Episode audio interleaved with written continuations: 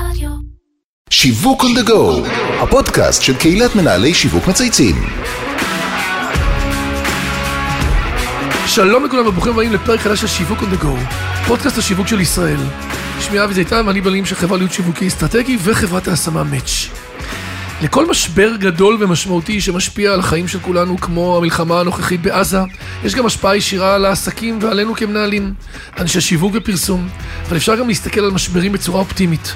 כמו שאמר אלברט איינשטיין בתרגום חופשי, כל משבר טומן בתוכו גם הזדמנות. וכדי להבין איך מתמודדים עם משברים ושומרים על אופטימיות, הזמנתי היום אורח מאוד מיוחד, את נאור פקציארז, עוד שנייה אנחנו נדבר על השם משפחה שלו, סמנכ"ל השיווק של דפוס בארי, עסק שהפך לסמל להתגברות על המשבר, ויחד עם אה, נאור אנחנו נשוחח על ההשלכות של המלחמה הארורה, על מדוע החליטו אנשי דפוס בארי לקום מהריסות הקיבוץ ולהחזיר את העסק לפעילות, וגם בכלל על ענף הדפוס. ועל ההתפתחויות שהוא עובר, ואיך מתמודדים, ואיך הם הפכו בעצמם להיות מתחרים אפילו של דואר ישראל. יהיה מעניין וגם מרגש, אני מבטיח לכם. אז אה, שלום נאור, מה שלומך? שלומי מצוין, תודה. איזה כיף שאתה כאן. תודה, תודה. האמת היא שאני מרגיש זכות גדולה, אתה יודע, אחרי כל מה שעברתם, אה, קצת לשתף את המאזינים, יש לנו כאן קהילה מאוד אה, חזקה ועוצמתית, אתה יודע, של של 14 אלף סמנכ"לים, מנכ"לים, של עולם השיווק, והם ישמחו לשמוע אותך. אז עד ה-7 באוקטובר חשבנו שמשבר הקורונה היה אחד הקשים, בטח בעשורים האחרונים, נכון, של המשמרת של החיים שלנו, וגם אותו בסופו של דבר צלחנו. כעם, כמדינה, אה, ועכשיו הגיעה לא מזמן השבת הארורה, גרמה לכולנו שבר נוראי באמת, כזה שהמדינה לא חוותה מעולם מאז השואה, אני חושב, ועוד ממשיכה לחוות כל יום. אה, בהמשך אנחנו נשוחח על החוויות האישיות שלך ושל קהילת הקיבוץ של בארי, ובעיקר על הדרך שלכם לקום ולהחליט שאתם מתגברים, שאף אחד לא יעצור אתכם, שזו החלטה מאוד לא טריוויאלית וראויה להערצה. וכמו כל פרק, אנחנו מתחילים בשיחה אישית, ואני בטוח שהרבה מאזינים ישמחו לשמוע עליך, על חיים האישיים, קריירה, אז תרגיש אה, חופשי לשתף. טוב, אז אני חושב שאת הקריירה שלי התחלתי בעצם אה, בשנת 2000. השתחררתי מהצבא, הגעתי לקיבוץ בארי, לא נולדתי שם, אבל בעצם משנת איפה 2000. נולדת? במקור, מקור מקיבוץ כיסופים. שזה גם אה, עבר אירוע לא פשוט. כן, כן, כן, לא, לא שיפרתי הרבה את התנאים ב-25 שנה האלה. אה, ובאמת אחרי הצבא הגעתי לבארי והתחלתי לעבוד במפעל, בבית הדפוס. אה. בהתחלה, בשנתיים הראשונות כעובד ייצור.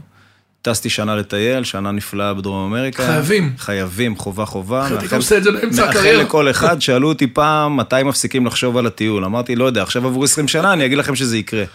אני יצא לי לא השנה. בדרום אמריקה פעמיים, שני ילדים שלי הלכו לשם ונסענו קצת לבקר אותם, ואני מוקיר על זה שעשית את זה בגיל צעיר. אצלי זה היה כמו תייר, אתה יודע, לקפוץ לרגע ולחזור. אז עשיתי את זה, מה שהיה מעניין דווקא בתקופה ההיא, שלא עשיתי את זה אחרי חצי שנה או שנה, כמו שרובם עושים, אלא עשיתי אחרי שנתיים, ולכן היה לי יותר יכולת לטייל יותר זמן, ופחות להתקמצן. יפה. כי בסוף הטיול יותר אה, מאפשר. אז חזרת לדפוס. חזרתי והצטרפתי מיד לצוות השיווק. יפה. בגדול שאלתי איפה הכי טובים, אמרו לי בשיווק, אז אמרתי שם אני רוצה להיות. ככה זה היה? ככה זה היה. גם אה, כנראה שהתאמתי. ושש שנים הייתי שם, אחרי זה הלכתי ללמוד, אצלנו קודם כל עושים, ואחרי זה לומדים מה עשינו. סיימתי תואר בכלכלה וניהול, וכשסיימתי את זה התמניתי להיות בעצם מנכ"ל חברת מסר, חברת הדואר שלנו, שמתחרה בדואר ישראל כבר עשרים וקצת שנה. חמש שנים הייתי מנכ"ל החברה, ואחרי תפקיד אה, משמעותי עסקי, קראו לי לקיבוץ, ואז התמניתי להיות מרכז משק. למי שלא קיבוצניק, אני אגיד שמרכז משק... כן. הוא בעצם המנהל העסקי של הקיבוץ, אחראי על כל העסקים שיש לקיבוץ. מנהל העסקים. מנהל העסקים, אחראי על חקלאות. פעילויות, אה, חקלאות, שותפויות, רכישות, מיזוגים. מיזוגים, תשתיות של. בינוי והכל, תפקיד סופר. מרתק, להתעסק באנרגיה, בתשתיות, בבנייה, ביזמות, מטורף. זה יופי. באמת תפקיד שמאוד מאוד רציתי לעשות, בגלל העניין הרב שיש בו. ולפני משהו כמו שנתיים וחצי, בן סוכמן, מנכ"ל הדפוס, אמר לי, בוא תחזור הביתה. והצטרפתי חזרה לדפוס בתור אה, סמנכ"ל שיווק. יפה. ובשנתיים וחצי האחרונות, זה מה שאני עושה. נגעת קודם בקורונה, ובקשר, וכמה חשבנו שזה... שאז... כאילו זה Game Changer. אז אני באותה תקופה של הקורונה הייתי מרכז משק. חשבתי, וואי, איזה שליחות יש לי להיות בתקופה כזאת, בתקו- במקום כזה חשוב ודומיננטי ומשפיע. זה כאין וכאפס. לא- לא לא שיערת על עצמך. לא שיערתי, לא בדמיון שיערתי. הכי מופרע. לא שיערתי. אז בואו נדבר על דפוס בארי. אני בטוח שהמודעות אליו עלתה מאוד משמעותית בתקופה האחרונה. אני מכיר אתכם מלקוחות שלי, אתה יודע, מלקוחות קורפורייט, מכללית, ממאוחדת, מבזק, מחברות שאתם בעצם עובדים איתן. אבל לפני שנשוחח על המשבר ועל ההתמודדות שלכם איתו, אני רוצה שתספר רגע על העסק, מה אתם עוסקים ומה האיכות שלכם בענף. אני חושב שהאיחוד והעסק זה, זה, מתחלק, זה מתחלק יחד פחות או יותר. כן. אה, דפוס בארי ב-20 שנה הראשונות שלו, הוא בעצם קם ב-1950. ובעיסוק, ב-20 שנה הראשונות הוא הדפיס שבלונה. הדפיס חוברות, ספרים, מסמכים זהים. כן. בכניסת אה, המחשב לעולם שלנו, דפוס בארי עשה shifting בעצם, ונכנס להדפיס מידע משתנה על מסמכים.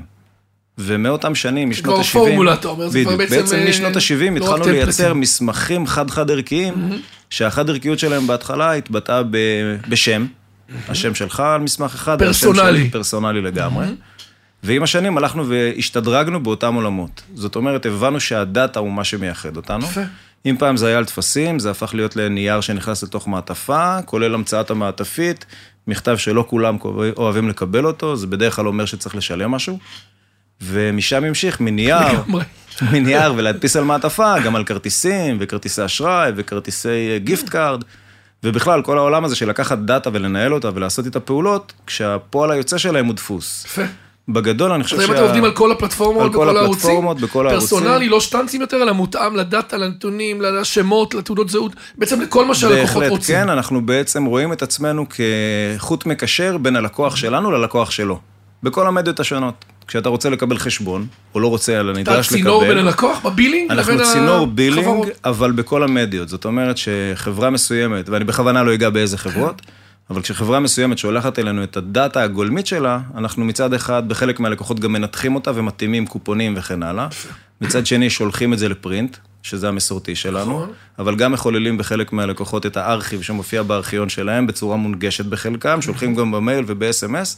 יפה. אנחנו בעצם המחבר בין הלקוח ללקוח שלו. יפה. תוך אה, ימים בודדים אחרי אותה שבת כבר הרמתם את השלטר, נכון? אה, מה היה בעצם האינטרס שלכם להרים מחדש את הפעילות? הרי לכאורה יכולתם לשבת עם המשפחה והקהילה, להתאבל, לעכל את הסיטואציה, את המצב, ולחכות לפיצויים של המדינה, תכלס. אני חושב שהדגש הוא על המילה לכאורה. לכאורה. אה, אז זה מאוד מורכב. קודם כל, אנחנו הבעלים של העסק של עצמנו. וכקהילה שיתופית, זהו, זה קצת שונה מהרגיל. אה, קיבוץ שיתופי בעצם, אה, בארי הוא בין ה-26 קיבוצים האחרונים בארץ שהם קיבוצים שיתופיים, שבעצם יש קשר ישיר בין העסקים שלנו לבין אה, רמת ואיכות החיים שלנו. אתם בעצם אנחנו- מייצרים, אתם משק אוטרקי. נכון, לגמרי, לגמרי, ולא רק זה, גם אין לנו, זה לא שמישהו אצלנו עובד במקום אחר והמשכורת ממשיכה להיכנס. אם לא נייצר, אין לנו הכנסות. יש חלק, אבל המס, המסה העיקרית היא בעצם אנשים שעובדים בתוך הקיבוץ, במפעל, בחקלאות, בכל מקום אחר.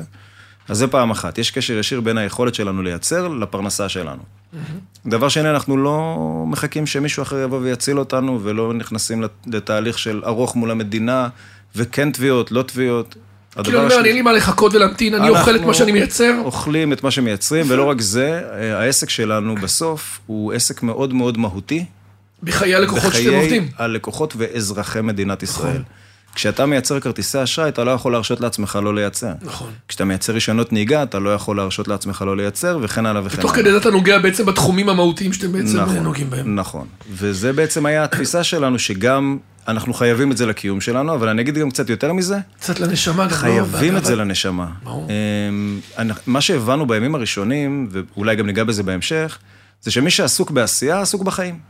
ומי שעסוק ממש. ב... בלא עשייה ובשכול, עסוק במתים. וזה פשוט התרפיה הכי טובה, זה הטיפול הכי טוב בפוסט-טראומה, פשוט תקום, תלך, תעבור. בחרתם בחיים דרך העשייה. בחרנו בחיים בחזרה. דרך העשייה, וזה הלך ו... ושטף אנשים, אותנו ואחרי זה אחרים. תגיד בתכלס, איך עוזבים את המשפחות האבלות ומגייסים את העובדים לחזור ל- לעבודה, אתה יודע, במקום שלא רק נושא איתו זיכרונות כואבים, אלא גם נמצא עדיין באזור מלחמה, בסכנה, אני יודע מחברים שהיו שם בסיורים, שהשוו את זה לסיורים בפולין ובגרמניה, אתה יודע, במחנות השמדה. אז קודם כל זה נכון, אתה... זה נורא. הכניסות הראשונות לבארי הרגישו קצת אה, בירקנאו וקצת ממש. אושוויץ. היית בסיור הזה? הייתי, אני, לצ... לצערי או לשמחתי, אני חושב שבהתחלה לשמחתי הייתי בלא מעט. עם כל העצב זה לשמחתך. העברתי לא מעט כאלה. איך אומרים, הכי חשוב זה שיהיה דופק. כל השאר נסתדר, זה בהחלט פרופורציות שנתנו לנו. אני אגיד אבל איזה הבנה, היו לנו שתי הבנות נורא נורא מהירות ב... ביום שאחרי, כאילו ביום ממש, ליטרטלי. ביום ראשון, ביום ב- ראשון, בתשעה. ביום ראשון בשמיני שמיני. לחודש, או יש כאלה שיגידו כן. כבר בלילה. הבנו שני דברים נורא נורא מהר. דבר ראשון, שאנחנו עושים הפרדה בין הדפוס לבין הקיבוץ. הפרדה בראש. מעניין. כי אין הבנו- זהות אחידה. אין זהות אחידה. כי ברור לנו שצריך לבוא ולשק... ולהתאבל על מי שלא איתנו מצד אחד. מצד שני, אנחנו עסק עסקי. ולא היה לנו גם תירוץ, כי כשהסתכלנו על המבנה הפיזי של הדפוס, ראינו שפיזית הוא לא נפגע. ולכן עשינו הפרדה וראינו כאילו, אז כבר... לא הייתה זיקה, שינית, ניתקתם את הזיקה בין ה- היישוב לבין הפעילות נכון. העסקית, כמו עיר ועירייה. נכון. אמרתם, רגע, בוא נעשה הפרדה. לגמרי. הבנו בעצם שלקיבוץ ייקח הרבה מאוד זמן להשתקם, גם פיזית וגם נפשית. לגמרי. אבל הדפוס יכול להשתקם מחר, רק צריך לטפל בנפש. כן. עכשיו, זה לא מעט, אבל ההבנה השנייה שהייתה לנו, זה שאם לא נתחיל מהדפוס, לקיבוץ לא יהיה בשביל מה לחזור. וואו. אנחנו תובנה קיבוץ, חזקה. יש הרבה מאוד שנים שמסתלבטים עלינו ואנחנו על עצמנו. האם אנחנו קיבוץ שיש לו דפוס, או דפוס שיש לו קיבוץ? ואני לא בטוח שעד היום אנחנו באמת יודעים את ההגדרה. שאלה טובה. במיתוג זה הדפוס. לגמרי, לגמרי, לגמרי, ואני גם, ההבנה השלישית שהייתה, שעכשיו תפקיד הדפוס, תפקיד המנהלים קודם כל, ואחרי זה עד העובדים, למרות שהם שותפים ובעלים באותה מידה, זה שעכשיו התפקיד שלנו להיות כיתת הכוננות של הקיבוץ. הגדרה טובה. בזמן השבת היה לנו חבורה נפלאה של אנשים מתוכנו, שיצאו החוצה להילחם, בזמן שאנחנו והמשפחות שלנו סגורים בממ"ד ומחכים לישועה, והם ניהלו את האירוע הזה. חיכונו הרבה הרבה, אתה יודע מה, הנה, בדוגמה למה ששאלת קודם עם הלכאורה. חיכינו הרבה מאוד זמן עד שיבוא כוח כזה או אחר של הצבא שיחלץ אותנו, והיינו תלויים אך ורק ב-11 חברי כיתת כוננות. כשחזרנו לעבודה, עכשיו יש לנו קבוצה אחרת שהיא כיתת כוננות. שהיא המנהלים של המפעל לצורך העניין, שעכשיו כשהקיבוץ נמצא בשכול, באבל, במשפחתיות, התפקיד שלנו עכשיו לצאת החוצה ולהיות הכיתת הכוננות. לא לחכות שהמדינה תטפל, תעשה, תסדר, אנחנו הכיתת כוננות, האחרים כבר הצטרפו. אתה דרך אגב, איפה היית באותו יום, באותה שבת? השבת פגשה אותי בשש וחצי בבוקר בבית, עם אשתי, ארבעת ילדיי, בת זוג של הבן הבכור שלי, וואו. ובציפייה לשני דברים באותה שבת. אחד, יום הולדת עשר של הבת שלי, השלישית. אנחנו בוחנים תאריך חלופי. היא מתלבטת בין להחליף לבין לא. והשני, הייתי אמור אה, לארח 17 חברים עם בני בנות זוג אה, מהמילואים שלי. באותו שבת. באותו שבת, 10 קילו בשר במקרר. אה, כן, אז ככה פגשה אותי השבת בבוקר בממ"ד. וואו. דיברנו על המשבר הנורא שפגע אנושות בעם ובמדינה. אני רוצה רגע לחזור עוד אחורה ולהסתכל על הדרך שבה אתם התמודדתם עם האיום שיכול היה להפוך להיות משבר בענף הדפוס בכלל. דיברת על זה קצת קודם, וזה באמת הפריצה של הדיגיטל, שנגע ישירות בביזנס שלכם. וגם כאן באמצעות יצירתיות ויוזמה, עשיתם שינויים. תן לי עוד שתיים, שלוש דוגמאות ספציפיות, אפרופו לאן התרחבתם, או מה קניתם, או איך פיתחתם, אתה יודע, אתה גם מנהל הפיתוח, גם שיווק וגם פיתוח עסקי, את הפעילות באופן שתתאים את עצמה לעת הזאת. אז אני חושב שמה שמייחד, אה, אגב, היסטורית, את אנשי דפוס בארי עוד הרבה לפנינו, זה לנסות לצפות, לפעמים בהצלחה יותר, לפעמים פחות, אבל לנסות לצפות לאן השוק הולך, ולנסות להקדים אותו, או לייצר לו פתרונות. אה, המצאנו את מכונת המעטפית, שיצרה בעצם המהפכה בעולם הדיוור. אנחנו הראשונים בארץ שהיה לנו מדפסת דיגיטלית תעשייתית, ויצרנו בילינג דיגיטלי משתנה ללקוחות, לפני שהשוק הבין שהוא וואלה, רוצה או שמקבל צריך אותו. קובץ עם נתונים מה שהיום ועושה- נראה לנו כן. בנאלי, אבל וואלה. בעצם הקדמנו את השוק בכמה שנים, ולכן אנחנו תמיד מנסים כל לצפות. הצילומים, הסמארטפונים, אה, השפיעו, אני מניח גם, נכון? כל הם הסיפור. השפיעו מאוד. העולם שעבר לאינטרנט, לדבר הזה שאולי יום אחד יצליח, משהו, איזה, איזשהו? משהו של הצעירים, כן. איזה משהו עם אינטרנט, יכול- להיות שיום אחד זה יתפוס. אה, ואנחנו תמיד מנסים להקדים, לא תמיד מצליחים, אבל בחשיבה. עכשיו, גם כמו כל ארגון שמכבד את עצמו, אחת לכמה שנים עושים תוכנית אסטרטגית, ושואלים מה החוזקות שלך, מה החולשות שלך. SWOT כזה. סוואט לגמרי, וראינו שבעצם הכי טבעי לנו היה בשנים האחרונות להתפתח בעצם לתחום האריזות קרטון, הדפסה על מוצרי קרטון, כי זה משלב גם דפוס וגם B2B, אנחנו יודעים לעבוד עם עסקים. יפה. במקביל לזה התפתחנו באמת לשוק ה-B2C, בעולמות האונליין. אנחנו, יש לנו אתר אלבומים שקוראים לו אלבומי, כי זה בעצם היה התנסות ראשונה יפה. לתת שירות ללקוח, לאזרח, לשיא. ל-C לגמרי ולא B2B, זה אין מנהל רכש שאפשר לריב טיפה. זה גברת מסוימת מעיר מסוימת. היא צריכה לבחור בך, היא להעלות את צריכה התמונות לבחור, שלה, והיא ו- גם יודעת יפה מאוד, שוב, בדבר הזה של האינטרנט, לספר עליך אם אתה טוב או אם אתה איך קוראים רע. למותג הזה? אלבומי. אלבומי, זה הלופה style, אתה אומר. אלבומי לופה style. כן. אה, במקביל לזה, גם הלכנו והתפתחנו יותר לתחום הפיקס, שזה ממש מוצרי Mm-hmm. אונליין של כל דבר שאתה רוצה להדפיס עליו, one stop shop של printing. אחר כך גם צריך הפצה, נכון? ולוגיסטיקה. בגלל מערכת היחסים הנפלאה שיש לנו עם חברת בר הפצה מלפני 20 וקצת שנים, כשהקמנו את מסר, להתחרות בדואר, או להיות חלק משרשרת האספקה הרגילה שלנו, להדפיס מעטפה ואז גם להפיץ אותה, אז באמת בשנה האחרונה גם אה, נכנסנו והגדלנו החזקות, או בעצם נכנסנו להחזקה ישירה בבר הפצה. אז הזכרת את התחום המעניין פה אתם פועלים, וזה הפעילות אה, של מסר. כבר לפני 20 שנה זיהיתם את הצורך בשירותי דואר איכותי והייתם שותפים להקמה. מה האתגרים שהתמודדתם איתם שם באמת בענף הזה, ומה להערכתך נוכל ליהנות משירותי דואר ברמה טובה, או אפילו סבירה היום? אז, אז כי נחלק... אנחנו, זה כאב. ברור, ברור, ברור. אז קודם כל צריך לחלק את עולם הדואר ל- לשניים, ואם נצליח לעשות את מהפכת החבילות, כמו שהצלחנו לעשות במעטפות, אז. אזרחי מדינת ישראל מאוד uh, ישמחו, ואנחנו בתוכם. Um, האתגרים הראשונים היו קודם כל רגולטורים וחוקיות הרישיון. כי מדינת ישראל לא שמה לב שצם, שבעצם קם מתחרה לחברה הממשלתית, רשות הדואר, שהייתה אז. היה רישיון והיה אפשר להפיץ, אבל עדיין לקח חמש שנים בקרבות של בתי משפט. אה, אחרי זה בעצם, מה שמסר עשתה, איך שהיא השפיעה, היא ריסנה מחירים בשוק. אמנם זה השוק המוסדי, אבל היא ריסנה את המחירים כי פתאום יש מתחרה. זה היא דבר אחד. מיד בלמה את כל היא העלייה בלמה, כי יש אלטרנטיבה. המונופוליסטית. כי יש אלטרנטיבה, זה דבר אחד. דבר שני, למרות שיהיה קשה אולי להסכים עם זה היום, היא שיפרה ברמה דרמטית את השירות שדואר ישראל דואר נתן דאז, וגם היום. עובדי דואר ישראל הם עובדים נפלאים, עושים עבודה טובה. אין לי, אין לי דבר וחצי דבר נגדם, ממש. יש שם גם מנכ"ל טוב, הם שינו המנכ"ל עשו הנהלה. מדהימה. דוד לרון היה פעם עשו הבוס שלי. turnaround מדהים. מדהים. מדהים, באמת, באמת, באמת.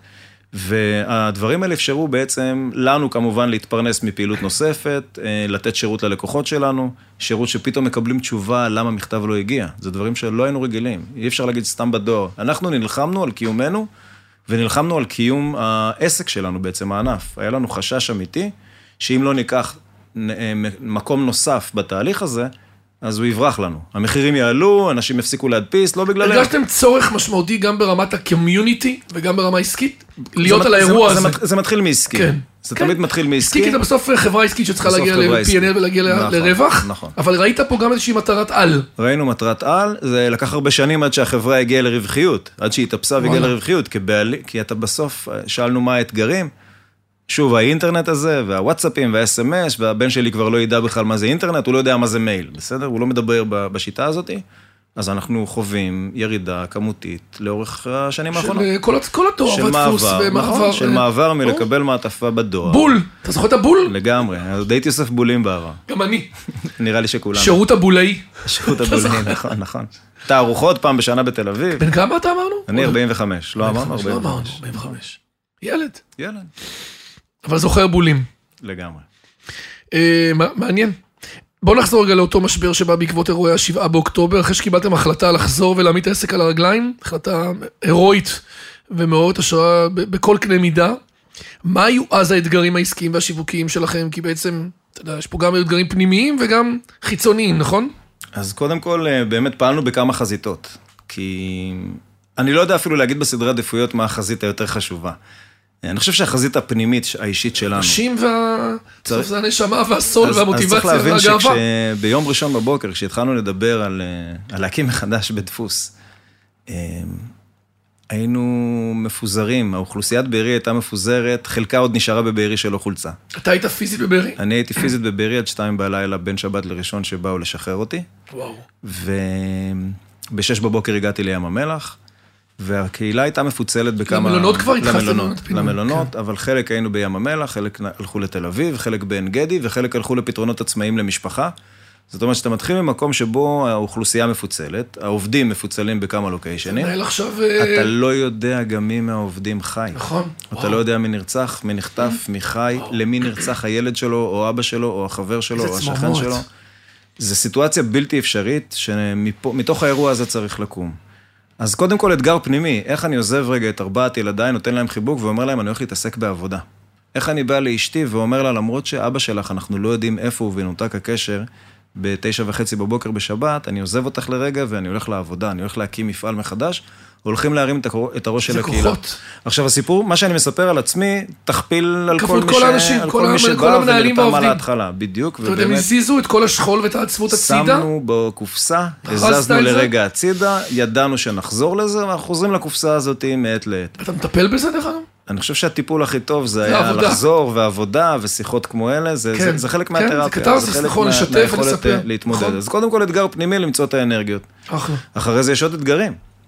יש עובדים, גם העובדים שלנו, אם מבארי או מחוצה לו, גם הם עברו תהליכים או אירועים דומים. גם הם צריכים להגיע פיזית למפעל ולבוא ולבצע עבודה.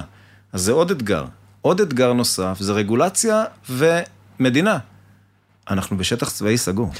וואו. איך אתה מגיע ואיך אתה משכנע את גורמי הצבא והממשלה, והגיע עד לנשיא, בסוף לבוא ולפתוח מקום עבודה, בתוך מקום בתוך שהוא... מקום שמוגדר שטח ש- צבאי סגור. ולא רק צבאי סגור, גם עדיין אנחנו יודעים שבימים אחרי זה עוד יסתתרו. נכון, ועוד היו מחבלים עוד מחבלים? כמה ימים אחר כך.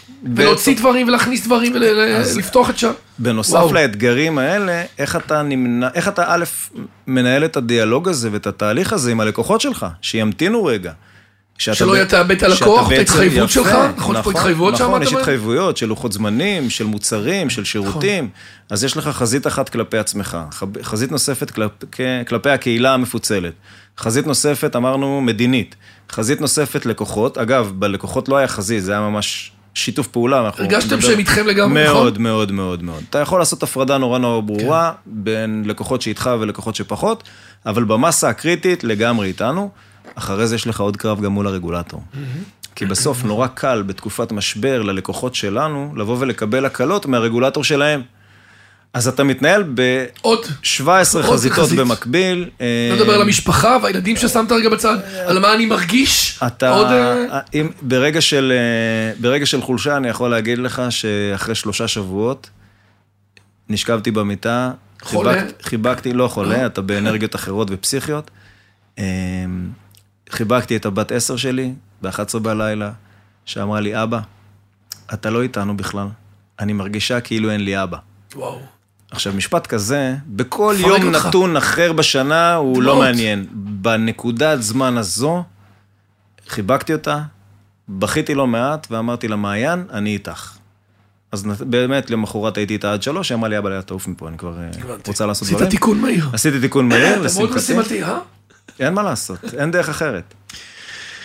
כולנו, ואני מתכוון גם לאזרחים וגם לאנשים שעוסקים בתחום השיווק והפרסום, עקבנו אחרי סיפור המאבק שלכם לחזור לפעילות. אני חושב שבאמת המותג בארי, וכל הסיפור היה אולי הגבוה ביותר ב... תקרא לזה רגע, אתה יודע, אנחנו עכשיו מדברים פה פודקאסט שיווקי, אבל ב top of mind, כאילו, אנשים זוכרים בארי. כן. וקצת כפר עזה ועוד שניים, שלושה, ניר עוז, נכון, עוד כמה כאלו. כן. ומיד ברגע שחזרתם, יצאו קריאות ויוזמות להעביר אליכם עבודה, ולעזור לכם לחזור אה, לעמוד על הרגליים. איך אתם בדפוס בארי חוויתם את החיבוק הישראלי הזה? וואו. זה כאילו היה וואו, ב- ב- וואו. בעוצמה מטורפת, אני- אני חייב, אני חייב לנצל את ה- את כי הבמה. זה במה חשובה. אז אה, אין, אין, אתה רואה, אין אין לי מילים. קודם כל אני רואה את הדמעות שלך, וגם אצלי כבר יש קצת אין- אין טיפה. לי מילים. אין, אין, פשוט אין לי מילים. החיבוק, גם לקוחות חדשים באמת לעולמות האונליין, שזה יותר מתאים, אבל גם השותפים העסקיים שלנו, באמת מהחברות המובילות במשק, החיבוק הבלתי, הבלתי פורמלי הזה, וכן פורמלי, בכל רמות, בכל רמות שאפשר לדמיין. אה, זה בנוסף, אגב, לחיבוק הלא נורמלי של האזרחים. כשהגענו למלון בשש בבוקר כבר היה ציוד שתרמו אזרחים. כבר. כבר בשש בבוקר, כבר היו יועצים, פסיכולוגים, עובדים סוציאליים, פסיכיאטרים, מה שלא צריך, כבר שם. אז כאילו גם הקהילה העסקית, גם האזרחים, מטורף, מטורף. אין לי, אין לי מיל... יש לי רק מילים טובות איזה כוח זה והמון. נותן, אה? זה נותן המון אנרגיות, זה מישהו מאמין בך, מישהו לא שכח אותך. כן. מישהו איתך, שהוא רואה הוא אותך. מבין שהוא איתך, והוא מבין שיש לכם גורל משותף, והוא יכול להיות חלק ממנו. מטורף. תשמע, זה באמת אה, כל כך סיפור קורע לב ומטורף, וכמה זה מצמרר לראות מה עברתם שם, את הכאפה המטורפת למול ההתגייסות של הציבור. אתה יודע, אני הייתי שם ליד, הייתי באורים, במסיבה. נתקעתי שם במסיבה 50 של חבר, אז הייתי ממש בהארדקור, עם חילוץ בערב בצומת גילה, אתה יודע, ממש ב- ביניכם שם לבין כל היישובים, וראיתי את כל הטראומה הזאת. ואני חייב להגיד לך שראיתי ממש למחרת איך כולם קמים בבוקר, מזיזים הכל, ואתם הייתם גם לנגד עיניי, אתה יודע, ממש ראיתי אנשי שיווק ואנשי, ואחים לנשק, וכולם באים ואומרים, בואו עכשיו עוזרים להם. והכוח הזה הוא, הוא מניע, הוא מחזיר. אני חושב שבעיקר מה, ש... מה שאתה צריך ברגעים האלה זה שאנשים יאמינו בך, שיצטרכו אותך וירצו אותך. כן. ואני זוכר שיחה שהייתה לי עם אה, מנהל רכש של אחד הארגונים, שאמר, נאור, אנחנו עוצרים כרגע, ואנחנו חוזרים אליכם בשנייה ש... אמרתי לו, העזרה שלך עכשיו זה לשחרר, אני צריך לעבוד. אני... תן לי רק לעבוד. תן לי רק לעבוד. לעבוד. תן לי. רק... תן לי רק סיבה לקום בבוקר. אנחנו רואים את זה על עצמנו, אנחנו רואים את. זה על הילדים שלנו. תן להם רק סיבה לקום בבוקר, נקודה. יפה. אז דיברנו על כך שבלב כל משבר תמונה גם הזדמנות. עכשיו בוא נדבר רגע, איזה הזדמנות אתה רואה במשבר הזה? מה גורם לך להיות עתיד כל כך אופטימי כמו שאתה רואה אותו, ולא רק את העתיד של הדפוס, אלא בכלל שלכם כאנשי הקיבוץ, כקהילה שספגה מכה כל כך קשה. אז קודם כל אני אופטימיסט חסר תקנה. אני חושב שאם לא. הייתי אופטימיסט, לא הייתי עושה מה שאני עושה. זה ואני- מנצח בסוף. אה, לא, מת- אין אופציה אחרת בסוף. אין, אין, אין לא. אתה יודע מה, אני לא מכיר דרך אחרת. תשקע, תיפול, תרד לתוך... מה מה יקרה? ובמה זה משפר לנו את החיים? עצבות יכולה להיות, להיות רגע ברגע, להיות. אמפתי, להיות זה, אבל לגמרי, רגע, אנחנו אנשים, נכון. ויש לנו נשמה, ויש לנו רגש, ובוכים לא מעט בתקופה הזאת, אני חייב להגיד, זה כן. נורא מנקה, זה משחרר. הבלוטות אצלך עובדות. הבלוטות עובדות, נוספו שערות, אה, שערות לבנות, אבל לפחות עוד יש, אז זה גם בסדר. אתה נראה שזוף וצעיר לגמרי. אחי. אה, קצת ים המלח, אתה יודע, אה. קצת ים המלח עושה כן. לך את זה, לפחות הנוף הוא באמת מטריף. אבל אני חושב שבאמת כל משבר הוא הזדמנות, כי הוא קודם כל מדייק לך, והוא מנכיח לך את הדברים שאתה לא צריך לעשות. כי בזמן משבר, שיש לך אפס קשב, מעט זמן ומיעוט כוח אדם, פריוריטיזציה, אתה יודע בדיוק מה חשוב לגמרי, ומה אתה פחות. מבין מה חשוב ומה פחות. כן, אתה מטורף. אז זה מה אנחנו תובנה, צריכים. זה, לפעמים צריך משבר כן. טוב. עכשיו, זה דבר אחד. דבר שני, בואו נחשוב שנייה, באמת קורונה, איך הטכנולוגיה נורא התקדמה מאז. אני כבר לא נפגשתי עם אף קופאי באף בית קפה, נכון? אנחנו מדברים במסך. ב- רק בזום. עכשיו, זה היה, ניצ... זה היה ניצול הזדמנות של משבר. לא היינו, כנראה שזה היה זה קורה, לא היה אבל קורה, יותר והיינו לאט. ממשיכים לנסוע על הכבישים עוד שעות. יכול להיות שזה היה קורה בעוד שנתיים, אתה- שלוש, אתה חמש. מרשה לעצמך להגיד, יאללה, בוא נעשה את זה בזום. אז אותו דבר זה עושה אצלנו, זה נורא מדייק לנו את החוזקות שלנו ואת ההתמודדויות שלנו, זה נורא מדייק לנו את הדברים שמה כן יכול לקרות, אתה כבר לא אומר מה לא יהיה, הכל אפשרי והכל יכול לקרות. זה קשור למוצרים, זה קשור ללקוחות, אין, אין. אין דבר כזה, בדיוק. אפשר לעשות... כל, התובנה של האירוע הזה. לגמרי. כן. אני חושב שכשהיינו בצבא, כשהיינו ילדים בצבא, אז אה, איפה. היית? חירניק, בנחל, לוחם, גדוד 932. אה, אז אני חושב ש... אתה עושה מסע של 60-70 קילומטר, לא כי אתה באמת צריך ללכת 60-70 קילומטר. אתה עושה אותו כי אחר כך ללכת 10 קילומטר זה אה, מגמד, זה. נורא קל. אחרי אירוע כזה, זה נורא קל. הכל פרופורציה. אז בהמשך לציפייה האופטימית קדימה, לפני שנעבור לשלב השאלות הקבועות, אתה רואה איזושהי מגמה מעניינת בקרוב בעולם הדפוס, בעתיד הקרוב? משהו קדימה, אם אתה מסתכל בווייז שלך? אז בעולם המסורתי שלנו בהחלט יש, אה, יש ירידה ויש ירידה כמותית. שוב, אנשים... אה, בנייר. בנייר, גם בחשבוניות פרנדלי אקו שמגיעות. ומגמה של איכות סביבה, ואתה אז יודע. ה- התקופה של האיכות סביבה כבר ירדה. באמת, היא ירדה. עבר הגל. זה עבר, עבר, הגל הזה נגמר. אמ, כן עדיין, דור צעיר כבר פחות ופחות מקבל חשבוניות. נכון. ז- זאת האמת. אז אנחנו רואים, א', ירידה סיסטמטית בכמויות, אחת לכמה זמן יש איזו רגולציה ואיזשהו drop, אז את זה אנחנו רואים ומנסים להיערך לזה. בכל זאת, בעולם שלנו לא סתם התפתחנו לעולם האונליין ולעולם החבילות, זה שוק שעדיין צומח. עם כל ההקפאה במשק כרגע, זה עדיין שוק בצמיחה, הוא עדיין גדול. עוד אין בו שחקן נורא נורא דומיננטי, מצד אחד, שאתה מחפש שווקים איפה להיכנס זה ואיפה לא. אוקיינוס כחול. ובהיבט שאני מסתכל טיפה קדימה, אני חושב שאנחנו גם כולנו מרגישים את זה, אנחנו כבר לא מסתכלים על הכמות, אלא יותר על האיכות. זאת אומרת שאם בעבר היית מדפיס כמויות, אני אתן בעולם הדפוס, היית פחות ממיליון מסמכים, אני לא מדפיס. זוכר את זה. אז היום אתה אומר, רגע, גם אלף אני אדפיס, אבל צריך להיות בהם משהו מיוחד. הרבה יותר סיגמנטציה, הרבה יותר, אנחנו יודעים, גם חברות עצמן. פתרונות חכמים יותר, גם זה וגם... מותאמים. אני זוכר שלפני 20 שנה היה חמישה סיגמנטים במדינת ישראל. נכון. היה כללי, לי- חרדי, רוסי, ערבי, אנגלית. כן. אבל לא דיברו נשים, גברים, דיברו אותו דבר. לא. לייפסטייל. לא לייפסטייל. לא אנשים שהם צורכי כרטיסי אשראי יותר, או בדיוק. כאלה שהם... היום יש כבר גיל, גיל שונה, נכון. וזהות יש ומגדר. היום מיליוני מיקרו סגמנטים של זה. ולכן גם העולם המסורתי, ואנחנו רואים גם חברות שיווק שמנסות, אתה יודע מה, המבצע שהיה של חברה מסוימת למשקאות, עם השמות של האנשים. נכון, משפיע מאוד. משפיע. יש בצבע אדום על הפחיות. נכון. עם הבקבוקים. אני לא אמרתי איזה. עכשיו, תחשוב... אתה הדפסת את זה? לא, אבל תחשוב שהבית דפוס מאחורי הקלעים, גם אם הוא שלהם, לפני זה היה עושה מיליון פחיות. עכשיו הוא לא עשה מיליון. הוא עשה עשה מיליון, איתי, אבל 20, הוא אה, עשה 100 אלף מזה, 100 אלף מזה, 50 אלף מזה, אז השוק, לשם הוא הולך. וזה מרגש אותך עכשיו יותר, אתה רואה שזה המגמה. זה המגמה לגמרי. מיקרו סגמנטד וכאילו מותאם יותר לגמרי. פרסונלי. שלוש שאלות קבועות יש לפנינו.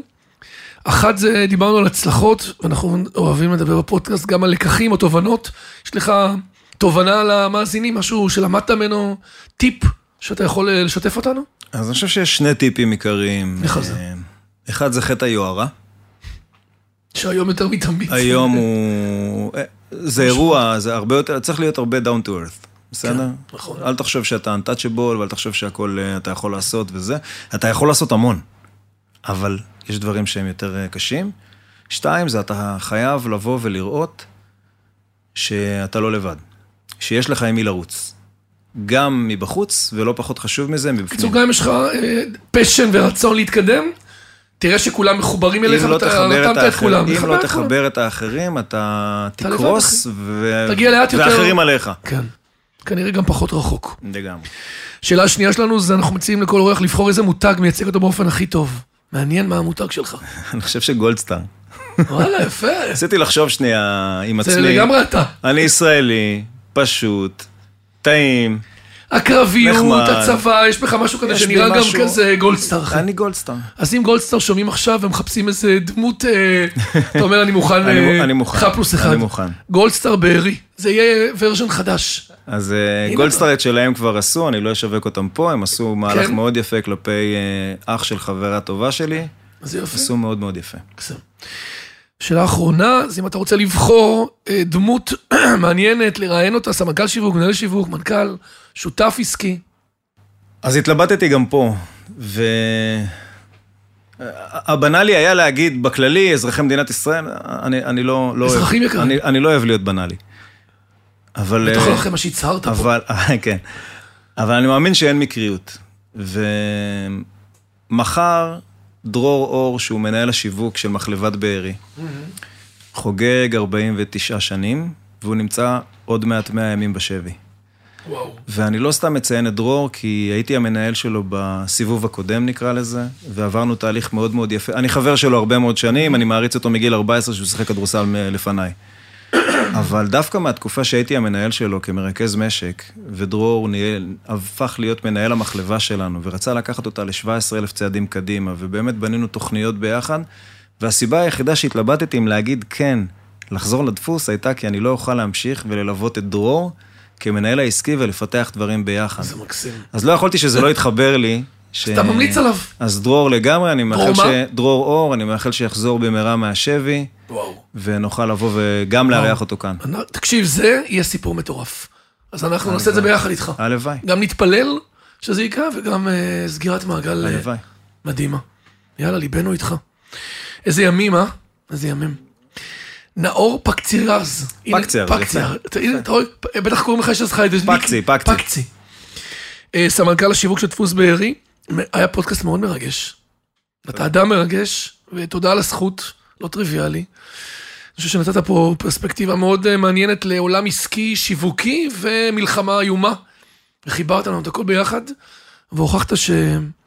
שהכל אפשרי. תודה. מאמינים, ו... ו... ויש לך, הכוח של כולם גם, אני חושב שעשה פה, נתן לכם הרבה מאוד אה, יכולת להתקדם ולהמשיך הלאה. אז שיהיה לכם שנה הרבה יותר רגועה, מוצלחת. חושב שלא מעט מנהלי שיווק שומעים אותך עכשיו ומתרגשים, אז תרגיש חופשי להפעיל אותנו, שיתופי פעולה, לקוחות, מה שאתה צריך, אותי באופן אישי. ושיהיה לכם אה, שנים, שנים טובות יותר. רגועות יותר. ושהימי הולדת הבאים של הילדים שלך יהיו קצת יותר אה, שפויים. אני ברביעי לנובמבר, אז אני לא יודע מה עדיף. כן, אבל בשבעה באוקטובר תצטרך להחליף את התאריך. באוקטובר, יש לי חבר שגם אותו דבר, יום אבל לאומי, אז כאילו צריך לעשות עם זה משהו. הצעתי לה לעשות לעשירי לשביעי, היא מתלבטת. הבנתי. צריך פה משהו יצירתי. נכון. אתה שם. תודה. תודה לך. תודה. ביי ביי.